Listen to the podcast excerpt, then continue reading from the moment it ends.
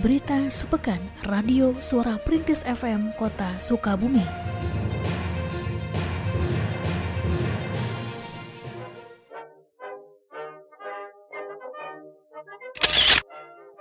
Pembangunan harus sejalan dengan pemanfaatan teknologi.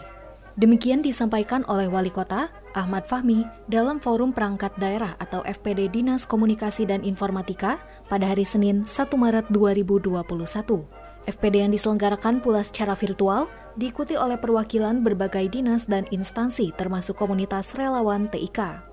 Wali Kota mengingatkan agar FPD yang akan menghasilkan rencana kerja tahun 2022 oleh Dinas Komunikasi dan Informatika harus menyukseskan misi keempat dari visi Wali Kota dan Wakil Wali Kota, yakni mewujudkan tata kelola pemerintahan yang baik dan inovatif. Ia juga mengharapkan Dinas Komunikasi dan Informatika semakin memaksimalkan penyebarluasan informasi kepada masyarakat, di antaranya melalui LPPL Radio Suara Perintis, karena menurutnya hingga saat ini masih banyak masyarakat yang belum mengakses informasi yang bersumber dari pemerintah kota Sukabumi. Sedangkan Kepala Dinas Komunikasi dan Informatika, Yadi Mulyadi, dalam pemaparannya menjelaskan, dalam rencana kerja tahun depan, Dinas Komunikasi dan Informatika memiliki tiga sasaran, yakni ikut mewujudkan birokrasi bersih, transparan, dan akuntabel melalui pemanfaatan teknologi informasi. Kemudian meningkatkan pelayanan publik melalui diseminasi serta pemanfaatan teknologi informasi untuk meningkatkan pelayanan publik. FPD yang dibuat oleh teman-teman masing-masing SKPD termasuk Kominfo ini harus menyasar visi dan misi yang tertuang dalam RPJMD. Sasaran mana yang masuk dalam sasaran Kominfo misalnya? Ya. Kominfo ini menyasar sangat kuat di misi yang keempat, ya. bagaimana tata kelola pemerintahan yang baik buat Nah ini menjadi bagian yang tak terpisahkan Kominfo sebagai leading. Leading bagaimana memang betul-betul pelibatan teknologi berbanding lurus dengan pembangunan? Dalam kondisi apa pun pelibatan teknologi di bidang pembangunan ini akan semakin mempermudah, mempercepat dan membuat masyarakat semakin nyaman. Jadi saya juga ingatkan bagaimana dalam visi misi ini Kominfo betul-betul menyasar yang menjadi tugas pokok Kominfo.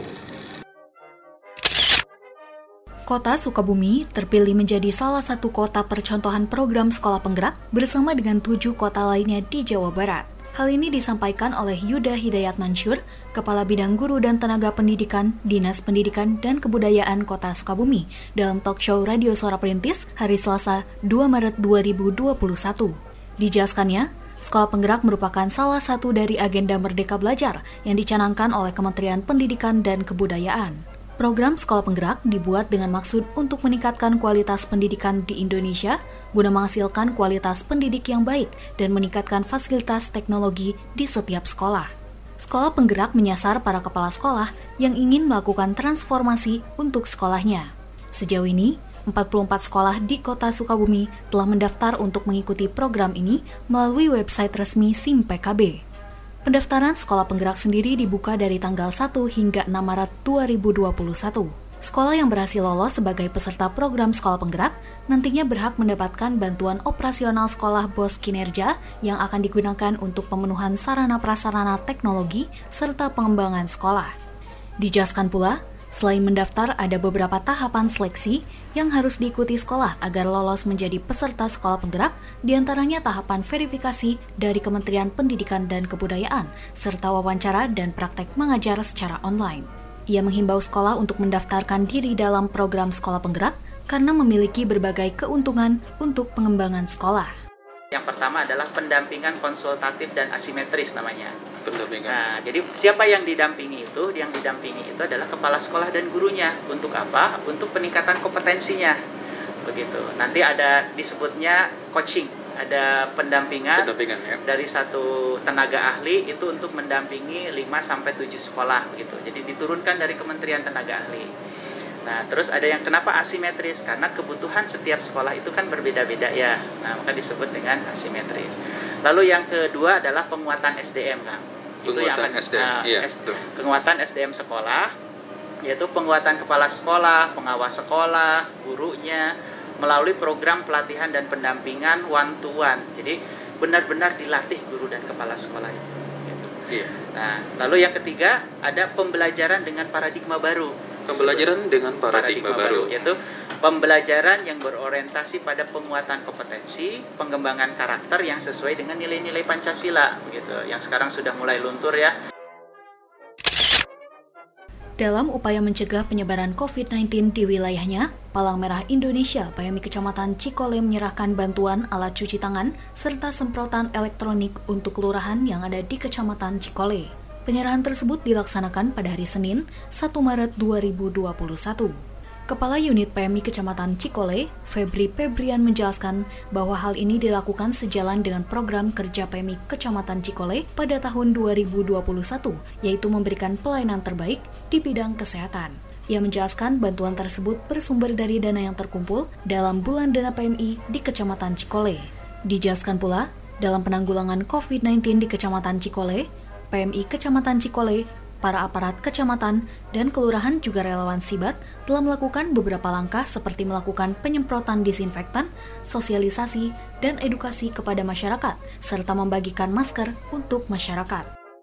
Sebagaimana dengan program kerja PMI Kecamatan Cikole bahwa kami eh, akan melaksanakan kegiatan pelayanan kesehatan bagi masyarakat terutama di tempat-tempat pelayanan publik dan kami sudah melaksanakan pemberian bantuan tempat cuci tangan sebanyak 6 unit dan juga alat spraying elektrik sebanyak 6 unit pula untuk 6 kelurahan di wilayah Kecamatan Cikole.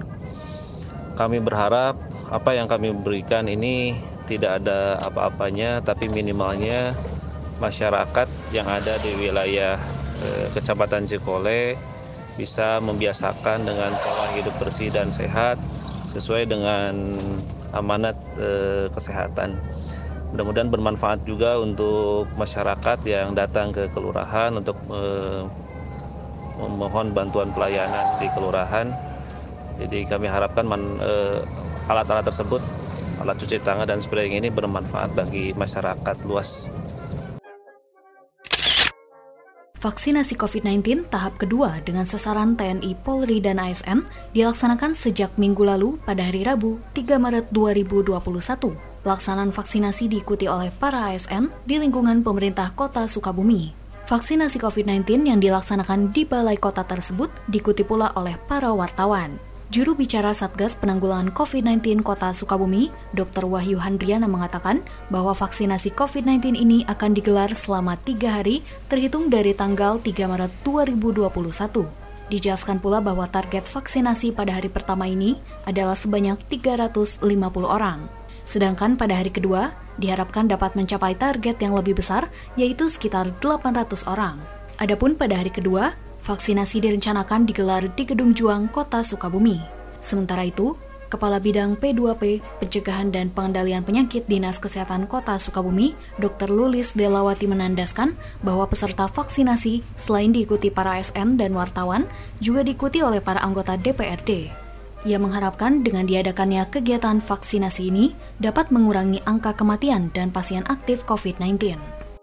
Nah, memang kegiatan vaksinasi ini memang ada di Eh, program imunisasi masuk di dalam program imunisasi di bidang P2P ya Dinas Kesehatan Kota Sukabumi sebagai leading sektor lah untuk kegiatan vaksinasi. Kalau untuk targetnya sendiri ini hanya di PNS atau katanya untuk wartawan juga ya Bu ya? Ya jadi untuk vaksinasi hari ini kan vaksinasi massal COVID-19 dengan sasaran eselon 2, eh, eselon 3, kemudian eh, DPRD, uh, pegawai di balai kota ya, baik yang ASN maupun non ASN di balai kota dan juga wartawan. Untuk targetnya sendiri ada berapa ya Bu Untuk hari ini 350-an sasarannya. Hari ini, besok akan berbeda lagi. Kita ada rencana besok kami Jumat Sabtu untuk ASN di rencananya di Gedung Juang kalau tidak ada perubahan dengan target yang lebih besar dari hari ini. Kalau vaksinasi COVID-19 ini kan salah satu upaya pencegahan dan pengendalian penyakit COVID-19 selain uh, eh, 3T dan 5M ya. Jadi untuk mengoptimalkan pencegahan dan pengendalian COVID-19. Harapannya tentunya uh, angka kesakitan, angka kematian, kasus aktif, angka kematian turun, angka kesakitannya juga turun, angka kesembuhannya dapat meningkat, kasus aktifnya dapat turun. Ibu Uh, apa bor juga di rumah Ibu sakit Susiana. bisa turun, seperti itu. Nanti uh, output yang kita harapkan. Wali Kota Sukabumi, Ahmad Fahmi, beserta Wakil Wali Kota Sukabumi, Andri Hamami, memantau kegiatan vaksinasi COVID-19 di Balai Kota pada hari Rabu, 3 Maret 2021. Kegiatan vaksinasi tersebut diikuti oleh para anggota DPRD, ASN, dan wartawan. Dalam keterangannya, Wali Kota mengatakan bahwa pelaksanaan vaksinasi COVID-19 tahap kedua juga akan diikuti oleh para pedagang pasar. Kemudian sekaitan dengan penanggulangan COVID-19, Wali Kota mengatakan mengenai fasilitas isolasi pasien COVID-19 akan diusahakan mencapai standar yang ditetapkan, termasuk ia pun menaruh perhatian pada para tenaga kesehatan yang telah menangani COVID-19 selama satu tahun. Pedagang pasar perwakilannya masuk dalam gelombang kedua ini. Jumlah sendiri kita masih meminta dari Dinas Kumindak nanti berapa jumlah pedagang versi Dinas Kumindak, uh, sekian persennya akan kita ambil secara acak, random untuk divaksin. Saat ini uh, layanan kesehatan khususnya berhubungan dengan jumlah atau kapasitas ruang isolasi kita belum maksimal dan kita akan memaksimalkan yaitu 30% sebagaimana arahan pemerintah pusat untuk ruang isolasinya. Yang kedua juga kita harus kembali menguatkan mentalitas teman-teman tenaga kesehatan. Satu tahun ini cukup berat bagi tenaga kesehatan untuk tetap mereka tegar, kuat. Nah, jadi di tahun kedua ini, memasuki tahun kedua ini, kita akan melakukan penguatan mentalitas, semangat, spirit untuk teman-teman tenaga kesehatan. Kemudian yang ketiga, kita juga evaluasi terkait recovery ekonomi ternyata ini juga masih kendala yang cukup besar recovery ekonomi ini. Harapan kita di 2021 ini langkah-langkah yang kita lakukan di akhir 2020 kemarin mampu untuk menyehatkan, menguatkan teman-teman UMKM. Para calon pegawai negeri sipil CPNS pada pemerintah Kota Sukabumi mulai mengikuti pelatihan dasar CPNS. Pelatihan dasar angkatan pertama dilaksanakan pada hari Kamis, 4 Maret 2021 dan dibuka secara resmi oleh Wali Kota Ahmad Fahmi. Pelatihan dasar ini menggunakan metode blended learning yang merupakan perpaduan antara pembelajaran tatap muka di dalam kelas dan pembelajaran secara daring. Wali Kota ketika membuka pelatihan tersebut mengamanatkan kepada para CPNS bahwa tugas dan fungsi pegawai aparatur sipil negara diarahkan untuk memberikan pelayanan kepada masyarakat secara profesional, jujur, adil, dan merata. Selain itu, ia mengharapkan agar CPNS menjadi PNS yang kompeten, kapabel, dan mengedepankan produktivitas kerja serta menjalankan satu persatu tugas dan fungsi dengan baik dan tepat waktu. Badan Kepegawaian dan Pengembangan SDM Kota Sukabumi sebagai penyelenggara pelatihan melalui Kepala Bidang Pemberdayaan SDM AR Darojatun menjelaskan bahwa peserta pelatihan dasar angkatan pertama berjumlah 39 orang CPNS yang terdiri dari 33 orang tenaga teknis, pengelolaan keuangan kelurahan, tiga orang tenaga kesehatan RSUD Samsudin SH, dan tiga orang kelulusan Sekolah Tinggi Transportasi Darat atau STTD. Pada hari ini dilaksanakan Diklat Besar Angkatan 1 CPNSD Formasi 2019 Peserta sekarang 39 orang 33 tenaga teknis di kelurahan 3 di uh, SUD dan 3 di uh, Dinas Perhubungan. Uh, Pelaksanaannya blended learning gabungan antara klasikan non klasikan itu peserta dia diarahkan untuk tahap pertama itu MOC pembelajaran mandiri. Kemudian tahap kedua distance learning itu ada e-learning dan aktualisasi dilaksanakan di masing-masing SKPD-nya. Yang ketiga klasikal itu kita akan asramakan mereka di yang rencananya sih akan dilaksanakan di Taman Sari pada Taman Sari. Hingga hari ketiga vaksinasi COVID-19 untuk para petugas pelayan publik di antaranya kepada para ASN di lingkungan pemerintah kota Sukabumi, jumlah peserta vaksinasi telah mencapai sekitar 2.000 orang. Hal tersebut disampaikan oleh Kepala Bidang P2P Pencegahan dan Pengendalian Penyakit Dinas Kesehatan Kota Sukabumi, Dr. Lulis Delawati, pada hari Jumat 5 Maret 2021 di Gedung Juang 45. Dijelaskan pula, sejauh ini belum ada efek samping serius yang ditemukan pada para peserta vaksinasi. Hingga hari ketiga, KIPI atau kejadian ikutan pasca imunisasi yang tercatat masuk dalam kategori non-serius seperti mual dan pusing dengan persentase sekitar 1% dari total jumlah peserta. Namun penanggulangan kemungkinan terjadinya kejadian ikutan pasca imunisasi telah diantisipasi dengan baik, sehingga sejauh ini vaksinasi dapat berjalan lancar. Adapun target peserta pada vaksinasi COVID-19 tahap kedua dengan sasaran petugas pelayan publik mencapai sekitar 2.600 orang peserta. Pelaksanaan vaksinasi COVID-19 juga didukung oleh berbagai perangkat daerah pada pemerintah kota Sukabumi, salah satunya Dinas Komunikasi dan Informatika kota Sukabumi yang memberikan dukungan dalam penyediaan jaringan internet. Uh, ini pelaksanaan vaksinasi COVID-19 untuk ASN di Balai Kota untuk ASN yang eselon 2 3 lanjut kemarin untuk uh, eh, ASN lainnya dan sampai nanti hari Sabtu uh, targetnya kan 2.648 seluruh ASN selain uh, guru tenaga pendidik. Nah, sampai hari ini kita sudah mencapai 2000-an ya, 2000-an untuk seluruh petugas publik. Untuk KIPI ya, KIPI itu adalah kejadian ikutan pasca imunisasi. Uh, KIPI di dalam program imunisasi itu biasa. Ada yang namanya KIPI uh, serius, KIPI non serius. Sampai sekarang tidak ada yang namanya KIPI serius.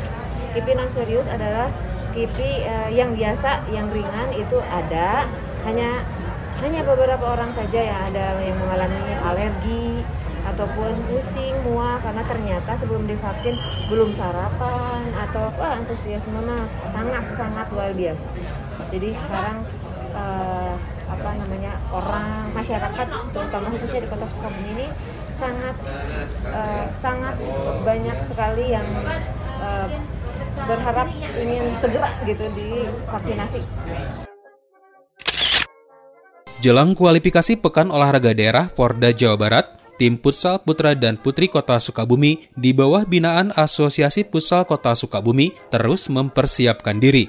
Anggota Badan Komisi Eksekutif Asosiasi Futsal Kota Sukabumi, Muhammad Sofian mengatakan bahwa persiapan kedua tim telah dilakukan selama tiga bulan. Dijelaskan pula bahwa sejauh ini kesiapan para pemain telah mencapai sekitar 80% untuk menghadapi babak kualifikasi Porda Jabar yang direncanakan digelar sekitar bulan Juni atau Juli mendatang di Garut. Selain itu, untuk semakin memperbesar peluang kelolosan tim ke babak utama, tim futsal putra dan putri juga diperkuat oleh para pemain yang telah berpengalaman. Perhelatan utama Porda Jawa Barat sendiri akan digelar pada tahun 2022 di tiga daerah, yakni Kabupaten Subang, Kota Tasikmalaya, dan Kabupaten Bandung Barat. Ya untuk persiapan tim Porda Futsal Kota Sukabumi ini sudah berlangsung hampir 2 atau 3 bulan. Nah, kita akan melaksanakan, akan mengikuti dua kategori yaitu putra dan putri. Uji coba pernah, kita udah uji coba hampir empat kali, satu kita berta keluar ke daerah Kabupaten Cianjur. Hmm Nah, fisik untuk saat ini hampir mencapai 80% lah. 80% karena uh, kita program cuma satu minggu. Insya Allah di bulan Juni Juli pemain sudah on 100%. Karena di bulan Juni Juli itu itulah pertandingan babak kualifikasi dilaksanakan. Ya kami dari Putra Kota Sukabumi memohon dukungan dan doa kepada warga Kota Sukabumi uh, putra Kota Sukabumi kategori putra dan putri akan mengikuti babak kualifikasi. Minta doanya dan mudah-mudahan uh, pemain diberi keselamatan dan lolos ke ke babak Porda.